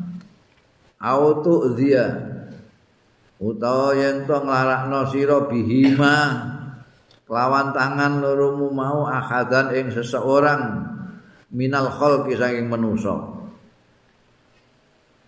Autahuna utawa khianat sira bihima kelawan tanganmu fi amanatin ing dalam suwijining amanat awadi atin utawa titipan Au taktuba utawa nulis sira bima kelawan tanganmu mau maing barang. Laya juzu sing ora kena apa anutku ngomongake bi kelawan ma. Fa innal qalama mongko sedune tak pena iku ahadul lisanai salah satunya lesan dua. Fakwat mongko ngreksa sira alqalama ing pena amma saking barang yajib kang wajib apa hifdzul lisani ngreksa lisan anhu saking ma. Yo tanganmu juga harus dijaga. Jangan sampai untuk memukul orang menyakiti orang. Aja dinggo nyelindut bandane wong. Aja dinggo ngorup bandane rakyat. Eh, merugikan orang jangan. Ojo sarana khianat terhadap amanat. Murek-murek kuitansi tambahin nule barang ngono Ojo mbok nule sesuatu yang dilarang ketika membicarakannya. Oh, iki penting saiki. Iki kowe saiki ora ora tahu ngomong tapi nggunakno tangan. Tangan itu salah satu lesan, lesan kedua itu tangan itu. Saiki wong orang ngomong tapi jempolnya weneman sing ora ora. Lewat Facebook, lewat WA, lewat entah ngono. Saiki tangan. Jadi ini anu apa Imam Ghazali itu pandangannya jauh ke depan. Dulu ngenek Facebook kok bisa ngendika ngene. Iki. Eh Joko mungkin kata-kata hifdzul lisan andu. Bima la juzun nutku bi. Geneman gak oleh nulis ya gak oleh gak oleh geneman kotor nulis kotor ya gak oleh. Geneman ngelaknat ya gak oleh. Nulis ngelaknat ya gak oleh. Ngomong fitnah gak oleh. Nulis fitnah ya gak oleh. Sekarang ini usumin nganggo tangan kabeh. Jadi penting jogo tangan ini. Yo tanganmu jogo jangan sampai melakukan hal-hal yang dilarang. Kamu bicara bicara dilarang nulis juga nggak boleh rasan-rasan mbiyen nganggo cangkem. Saiki tanpa cangkem iso ngrasani wong. Dengan apa? Dengan tangan. Ahadul lisanain salah satu lisan itu adalah tulisan. Hmm. Kok iso ngerti ya mbiyen? Luar biasa. Eh, eh. Wa ammar rijlani ana dene sikil loro fahfadhuma.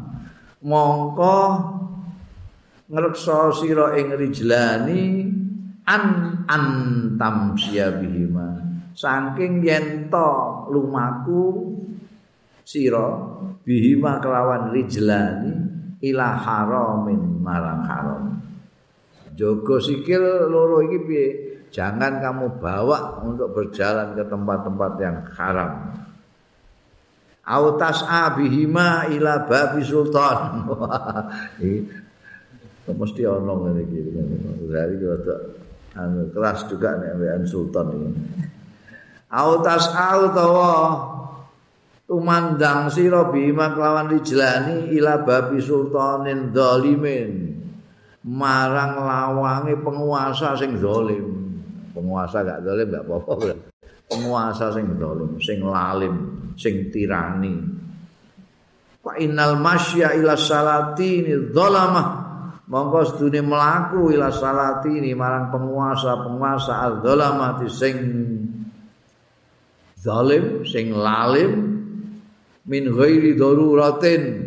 Saking tanpa ana keperluan apa-apa keperluan apa? Lah aja ngutang oh enggak. Sing dimaksudnya keperluan itu mengandani apa piye? Wa irhaqi maksiatin lan nekani maksiat iku kabiratun dosa gedhe ya. We mara munduk-munduk ning penguasa sing zalim tanpa ada keperluan untuk ngandani apa ngeritik apa apa atau membawa aspirasi ini rakyat misalnya? Wis mok teko bloko-bloko kan dosa gede. Dosa gede. Kenapa kok dosa gede?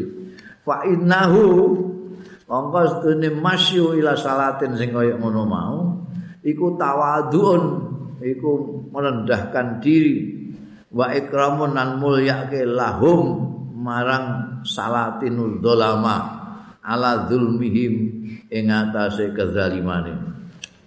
Zalim mbok sowani iku padha karo kowe ndep-ndep ning ngene kezalimane ndik kok awaduk kok ning ngene wong zalim ora apa. Eh. Mulyakno mereka wah seneng mbok sowani seneng. Itu mulyakno wong zalim. Waqat amarallahu taala bil i'rad anhum lan teman-teman perintah sapa Allah taala bil i'radi kelawan berpaling anhum. Saking salatin dzalama fi qaulihi taala dalam dawuh Gusti Allah taala wala tarkanu ilal ladzina zalamu fatamassakumun nar. Wala tarkanu lan aja condong sira. Pemeneh ngantek ayem cedak mereka? Ilal ladzina zalamu. Maring wong-wong sing padha zalim ya alladzina fatamassaku mongko ngeneki ing sira kabeh apa anaru geni neraka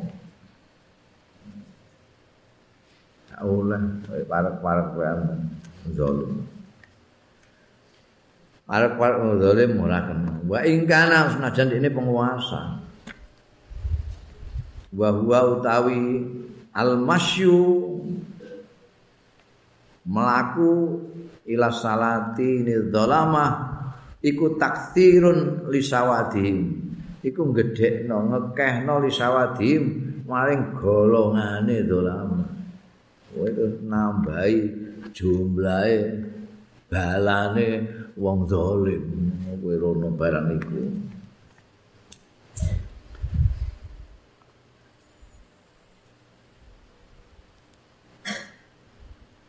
wa in kana dzalika lamun ana apa dzalika mengkono-mengkono sowan masyu ila salatin dzalamah mau disababi talabi malihim.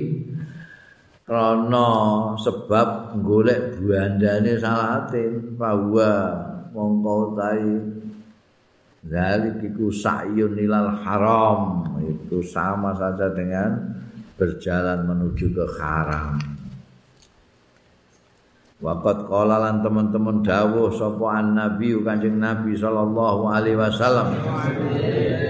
Man tawadhu'a sapale wong sing tawadhu merendahkan diri ya man. Li ghaniyin salihin marang wong sugih sing saleh. Tapi tukmu tawadhu orang mergo saleh tapi li ghinahu mergo sugih ghaniyin saleh. Zahaba mongko ilang apa sulusa dinihi dua per tiga agamane man.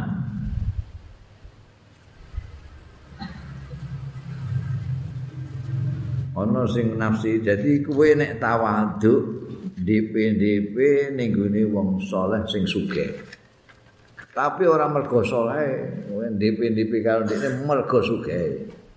Umume wong DP-DP ning gone wong mergo sugih. Sugih wong sugih ning terutama ning Indonesia iki wong sugih terhormat sekali. Pejabat barang ya DP-DP ning gone wong sugih iki. Pemenang wong marah. Lah iki ana wong saleh sugih. Kowe DP-DP ning gone ndekne ora mergo saleh tapi mergo buandane mergo sugih. Iku agamamu kalong dua per tiga. Ana sing nafsiri, jadi agama yang dimaksud ning kene iki adabnya orang dalam hidup saleh itu itu ada tiga etika adabe ning Gusti Allah adabe ning Rasulullah sallallahu alaihi wasallam adabe ning sesama menjaga hubungan dengan Allah dengan Rasulullah dengan sesama. Gitu lho mesti ini kabeh kudu mbok laksanakno telu iki. Nek kowe mau menjaga hubungan karo sesama itu wong sugih sing saleh itu mau maka yang dua tidak. Berarti kamu mengungkuri adabmu terhadap Gusti Allah mbek Rasulullah. Kenapa? Karena kamu sowan rono itu ora mergo saleh tapi mergo badan. Hmm. Iki dawuh Kanjeng Nabi ligoni yen saleh. Iku ilang 2 per 3. Wa hadza utawi iki ku fi ghaniyin salihin ing dalem wong sugih sing saleh. Fama dzanuka mongko iku apa dzanuka penyana ira bil ghaniyyi zalim kelawan wong sugih sing zalim. Oh ning gone wong sugih sing saleh wae gak entuk DP-DP. Nek DP-DP ilang rong pertelon agamane. Apa meneh DP-DP karo ora wong saleh, wong sugih zalim. Tambah. fa'alal jumlah mongko secara garis besar secara gemblengan fakarakatuka mongko utawi gerak-gerak ira aktivitas sira wasakana tuka lan diam-diam ira. Bi'adha ika kelawan gauta gauta ira. Gautamu mbok gerakno mbok tengok-tengokno itu merupakan nikmatun. Fakharakatu kawasakanatu ka bi'adhoika. Iku nikmatun merupakan kenikmatan. Min ni'amillahi saking kenikmatan kenikmatan paringane Gusti Allah taala. Alaika ing atase sira. Mula fala tukharrik. Aja ngobahno sira saean ing apa-apa minha saking a'dhaika aja mbok gerakno fi maksiatillah taala ing dalem durakani Gusti Allah taala. Aslan baban pisan. Wastamil halan gunakno sira ha ing a'dhaika fi taatillah ing dalem naati Gusti Allah. Mergo gauta gautamu iso bergerak iso tengok-tengok itu semua adalah nikmat dari nikmat-nikmatnya Gusti Allah. Masa nikmat-nikmat Gusti Allah mbok nggo saranan durakane Gusti Allah. Aja ngantek nikmat-nikmat paringane Gusti Allah iku mbok gunakno untuk maksiatillah sama sekali. Gunakanlah untuk mentaati Gusti Allah taala.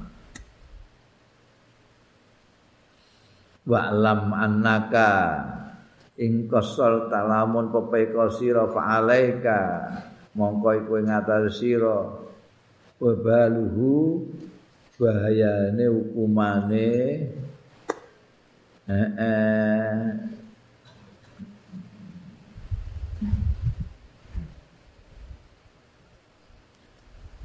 hukumane taksir ira rujukane ning ngene iku anune taksir.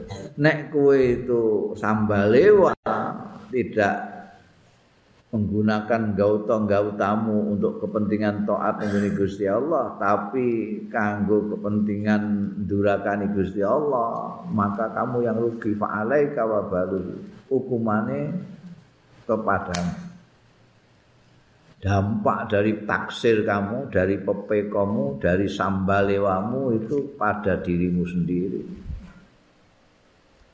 Wa in samarta nek kowe cancut asal samar itu asale mingkis klambi nek wong arep nyambut gawe diwingkisi kabeh. Maksude nek kowe cancut in samar talamun cancut sira untuk menggunakan gauta gautamu untuk kepentingan-kepentingan yang baik untuk taat ning Gusti Allah. Fa ilaika moko marang sira taudu bali apa samratuhu apa buahe tasmiri untukmu cancuk mau. Wallahu ta'ala Gusti Allah iku ghaniyun ra butuh angka saking sira wa an amalika saking amalira wa innama kullu nafsin nang pustine saben-saben awak-awakan. Bima kelawan barang kasabat sing nglakoni ya kullu nafsin iku rohinatun tergadaikan. Oh, ditebus apik ta elek eh, tergantung bima kasabat mbok lakoni. Hmm.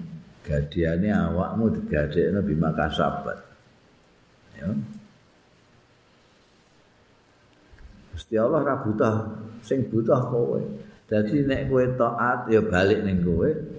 Nek kowe ora taat ya merugikan kowe dhewe. Ndak ada urusan Gusti Allah itu ghaniyun hamid. Gusti Allah ora butuh ngamalmu ora butuh kowe. Kowe sing butuh Gusti Allah Lane nek kowe pancen butuh untuk kepenak saka Gusti Allah ya taati Gusti Allah. Nek kowe kepengin lara kabeh ya kono silakan. Nek arep menggunakan peparingi peparingi Gusti Allah kanggo ndurakani Gusti Allah. Gusti Allah gak rugi belas. wa inna ma rusa bima kasabat rahim. Wa iyyaka lan wedya sira antakula, jangan sampai maksudnya iyyaka itu. Jangan nganti antakula yang ngucap sira Innallaha karim rahim yaghfiru dzunub lil usad. Gusti tenang kok Gusti Allah iku karimun mulya kok. Murah rahimun tur akeh welas asiye. Yang biru ngapuranan Gusti Allah iku adunuba ing dosa-dosa lil usati kanggo wong-wong sing do duraka kowe eh yang dalil iku. Tenang ae Gusti Allah iku. Ngapian kok. Welas asih mau asih. Dosa pira ae Gusti Allah iku. Pengapurane sak gunung. Es ya mbok cakno kanggo menghibur diri apa piye fa inna hadzal kalimata monggo sedune iki kalimat. Iku hakun bener.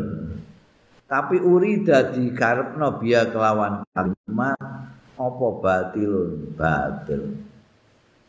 Akeh kata-kata kalimat-kalimat itu yang benar tapi tujuannya ora benar iki bener. Gusti Allah pancen rahim Gusti Allah pancen karim Gusti Allah pancen ngapuranan.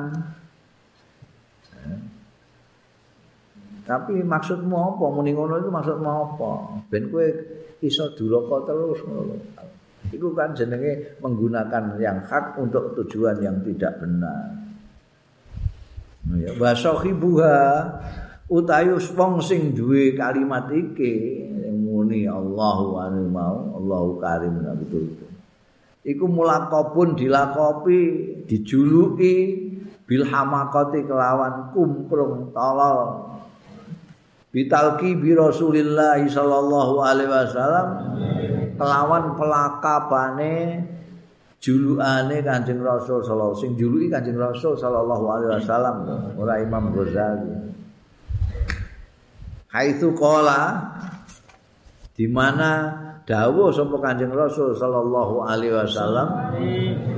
Al kayyisu mandana nafsahu wa amila lima ba'dal maut.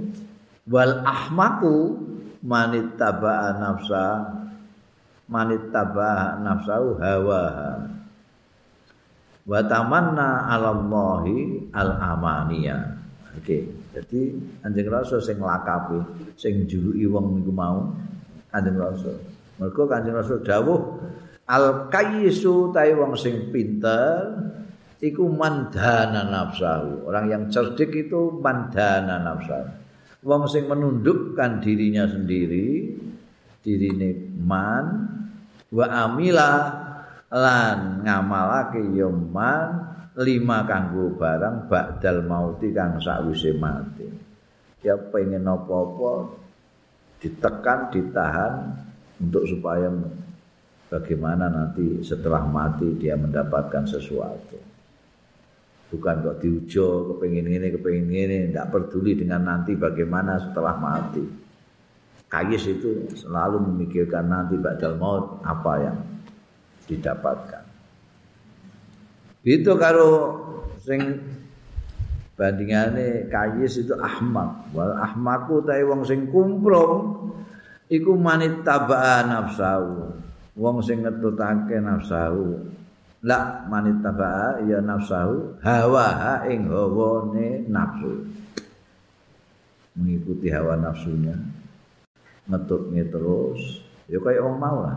Ngetutno hawa nafsune melakukan maksiat tapi wa tamanna 'ala Allah lan nglamun mengharap-harapkan yaman 'ala Allah ing atase Gusti Allah al amania ing harapan-harapan.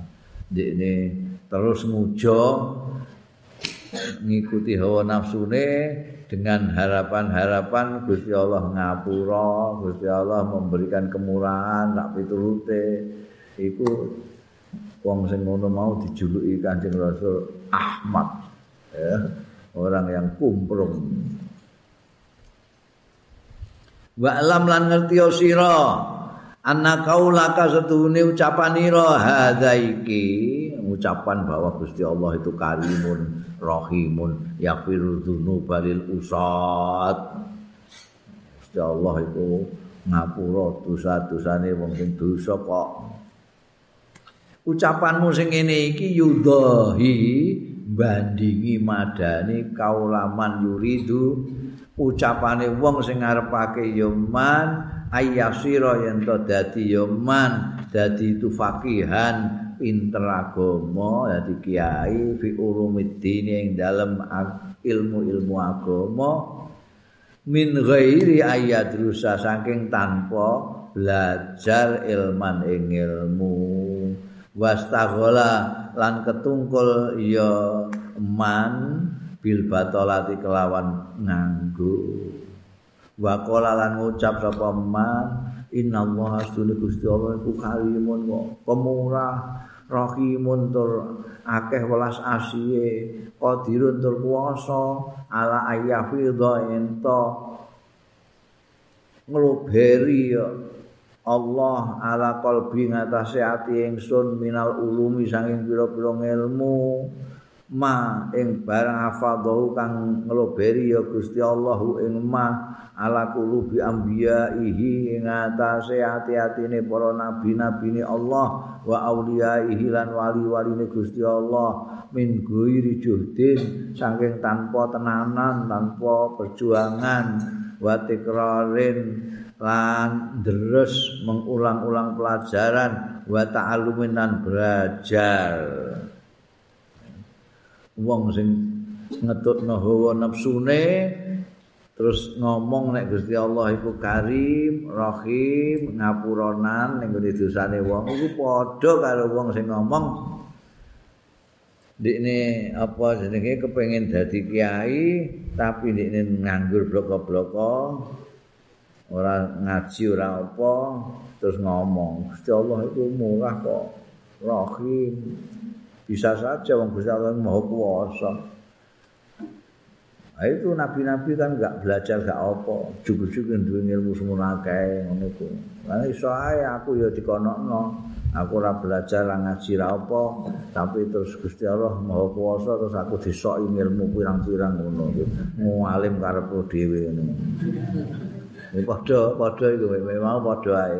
Eh iku mau ngetokno hawa nafsune dengan mengandalkan Gusti Allah Ghafurur Rahim iku mau. Iki apa? Nganggur dengan kepengin pointer tapi nyagerno Gusti Allah sing Maha Kuwasa iki. Wong goblok kaya dene ujug-ujug pointer ngene iso. Mesti iso ngono. Gusti Allah kok tapi omongan itu omongan bener tapi tinggal keperluan sing ora bener.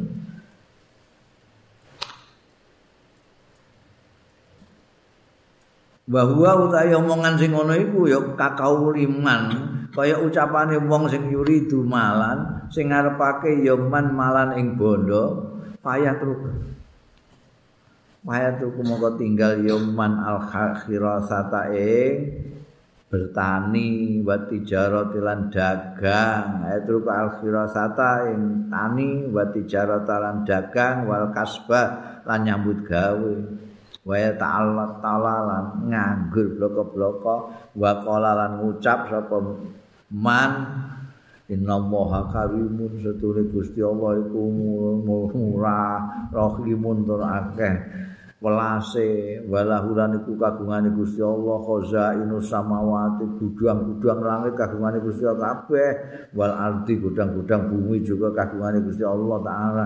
Wa huwa utai Gusti Allah iku qadirun mampu kuasa kok ala ayutul liani ento meruhake sapa awak ing ingsun. Ala kanzi ning atase perbendaraan minal kunusi saking perbendaraan perbendaraane Allah astahni sing perlu sapa ingsun bi. Sebab enake kanzun mau anil kasbi saking nyambut gawe.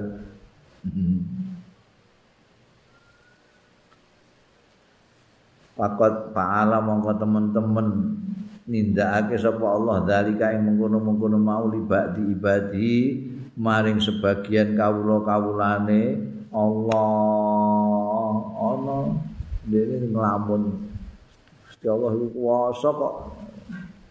Mau murah. Budane langit bumi pirang-pirang. Apa ngerti? Engko Gusti Allah nduduhno aku ning kono iku ana harta karun terpendam eh kowe karek duduk ngono ae. Wong ternyata ya ana kok wong sing sugih mergo harta karun ya ana ngono. Dadi ini nyagerno kuwi.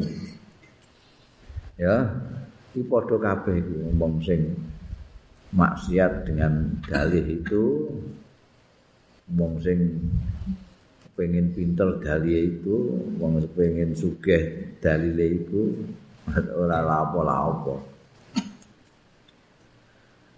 Pak anta mongko utahe sira ida samita nek kowe krungu piye guyu kowe. Pak anta ida samita tekalane krungu sira kalama hadaini rajulaini. Ing gunemane wong lanang loro iki istahmakta huma mongko nganggep geblek sira ing rajulaini iki mesti kok anggap goblok piye karepe? Kok tengok-tengok kok njaluk ngono iki basah kaltamin huma dan ngremehno sira moyo sira min huma saking rajulain wa ingkana senajan ana apa barang wasofahu kang nyipati ya rajulain hu ing ma bayane min karomillah nyatane murai Gusti Allah taala. Wa kudrati lan kekuasaane Allah taala iku sidkon bener. Wa hakan lan ya nyata. Tapi kowe ya tetep goblok wong itu kan. Jadi itu lah kok ngomong ngono tok itu. Fakadzalika yadhaku alaika albabul basair. Mongko iku semono uga yadhaku ngguguyu alaika ngatasi sira sapa arbabul basairi wong-wong sing duweni pandangan yang betul. Wong-wong yang duwe makrifat bidine ing dalam agama. Idza talabtal maghfirah bi ghairi sa'yin lah. Tatkalane nuntut sira nuprih sira al maghfirata ing pengapuran bi ghairi sa'yin kelawan tanpa tumandang lah marang maghfirah. Wallahu taala utai Gusti Allah taala iku yaqulu dawu sapa Gusti Allah taala wa laisa lil insani illa ma astune kelakuan lae salil insan ora ana kudu manusa apa ilama barang saakang tumandang ya insan. Apa yang kamu lakukan? Golek mahfirah gak lapo-lapo. Golek ganjaran gak lapo-lapo. Pengen sugih ra lapo-lapo. Eh? Gak iso. Najan Gusti Allah itu pengampun, tapi kudu mbok golek apa yang menyebabkan kamu diampuni. Meskipun Gusti Allah itu pemurah kamu cari kan usahakan meskipun Gusti Allah itu rozak zat sing moho ngrezekeni aja kok kowe terus ning masjid ambekan ya rozaku ya rozaku terus saya dengan harapan duit ketepak ketepok isa ya ning biyen niku zamane sahabat Umar dadi kepala negara masjid ana wong ngetulu ning masjid itu ngarepe iku ana kerikile sak gunung Oh, biyen durung enek tesbih, ana produksi tesbih. Dadi wong sing arep wiridan iku nggawa krikil. Krikil. Ya Razaku, ya Razaku, ya Razaku, ya Razaku. Muadek dhuwure ini. Konangan sekabat umar sewaduk ini. Krikil-krikil disaduk ini. Gur. Kue tahu tumon. Ini Gusti Allah ngudono emas kondur langit. Kowe pengen rezeki ning gone masjid? Kowe rezeki ning pasar kono. Usah dan sahabat Umar. Jaluk rezeki jaga Gusti Allah rozak tapi orang yang pada tempatnya. Wa yaqulu lan dawuh sapa Gusti Allah taala innama tuzzauna ma kuntum ta'malun. Angin pestine diwales sira kabeh. Ma barang kuntum kang ana sira kabeh ku tak maluna padha ngamal sira kabeh. Kok gak ngamal apa pun njok balasan apa kowe wa yaqulu lan dawuh sapa Gusti Allah taala innal abrara lafi na'imin wa in innal fujjar lafi jahim. Innal abrar astune wong sing apik-apik lafi naimin iku ing dalem.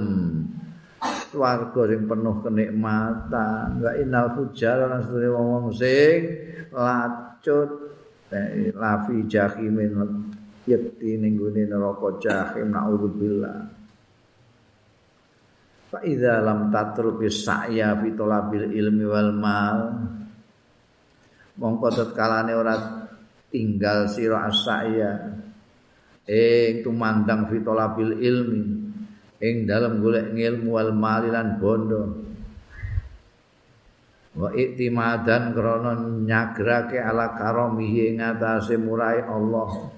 Pakadalika mongko semono gola tatruk at-tazawwud aja tinggal sira at-tazawwuda ing golek sangu lil akhirati marang akhirat. Kamu jangan meninggalkan usaha untuk mendapatkan ilmu. Jangan meninggalkan usaha untuk mencari rezeki bondo. Kamu juga harus apa namanya jangan berhenti berusaha untuk mendapatkan sangu bekal lil akhirati kanggo akhirat. Wala taftur lan aja lembek sira. Yang keras berjuang yang betul-betul. Fa inna Rabbad dunya wal akhirah setuhune pangerane donya lan pangerane akhirat iku wahidun siji. Wa huwa utawi Rabbud dunya wal akhirah fihi main dalam dunya lan akhirat iku karimun maha murah rahimun maha rahim. Nek kowe golek bondo wae ya ora ninggalno upaya keras untuk mendapatkan kemurahan Gusti Allah demikian pula kowe nek golek akhirat juga begitu. Jangan tanggung-tanggung.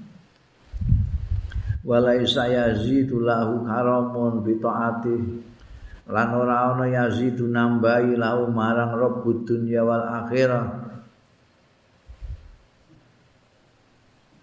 Karamun kemuliaan kemurahan bito atika sebab taatmu karena kamu taat lalu Gusti Allah tambah murah. Ndak wa inna ma karamuhu angin pestine kemurahane Gusti Allah iku fi ayu yassira ing dalem yen to gampangake sapa Allah laka kanggo sira. Tariqal wusul ing dalan sampai ilal mulkil mukim. Maring kerajaan sing tetep sing langgeng sing permanen wan naim daim lan kenikmatan sing abadi al mukhallati sing selawas-lawase. Bisabri kelawan sabar alat tarki syahwati yang ngatasé tinggal kepinginan-kepinginan syahwat ayaman kola ila ing pira-pira dina kola ila sing sithik paling suwe 100 tahun wa hadza nihayatul karam utawi iki betul-betul nihayatul karam puncak kemurahan Gusti Allah Allah murah banget Lah kowe mau ngibadah sedilu ngono ae. Diparingi ganjaran, paringi swarga lawas-lawase. Oh gak murah banget itu piye? Ora kok murah mergo kowe la lapo-lapo terus gak diapa-apa enggak. Mulai Gusti Allah itu kowe nyambut gawe sithik di wayar pirang-pirang, wayar gede banget. Ngamal mau sithik paling suwe 150 tahun kowe kuat. kok dibayar kenikmatan permanen selawase. Kowe mau nyabari sediluk ngono ae. Dilarang ya mau sediluk ngono ae. Kan nihayatul kalam. Wala tu hadis nafsaka. Aja ngomongi sira nafsaka ing awak ira bitahwi satil batolin kelawan cageran-cagerane wong-wong sing pengangguran mau. Gera rahime Gusti Allah karame Gusti Allah. Waktati sing kudu mbok ikuti ku waktati lan ngikutana sira diulil azmi wan nuha lawan priagung-priagung kang anduweni keteguhan wan nuha lan duwe pikiran. Minal anbiya saking nabi-nabi wasolihin lan wong-wong sing soleh-soleh. Wala tatma lan aja hamek-hamek sira mengharap-harap fi antah suda ing dalem yen manen sira maing barang lam tazra sing ora nandur sira. Ora nandur apa-apa kok arep manen manani apa kok. Jangan sekali-kali kaya wong mau. Walai taman soma menawa man wong soma sing poso ya man. Wa salat ya man wa jahadalan berjuang ya man wa taqalan taqwa ya man Ghafara lahu utawa ghufira lahu. Nek ghafara ya ngapura sapa Gusti Allah. Nek ghufira ya di ngapura lahu duwe man.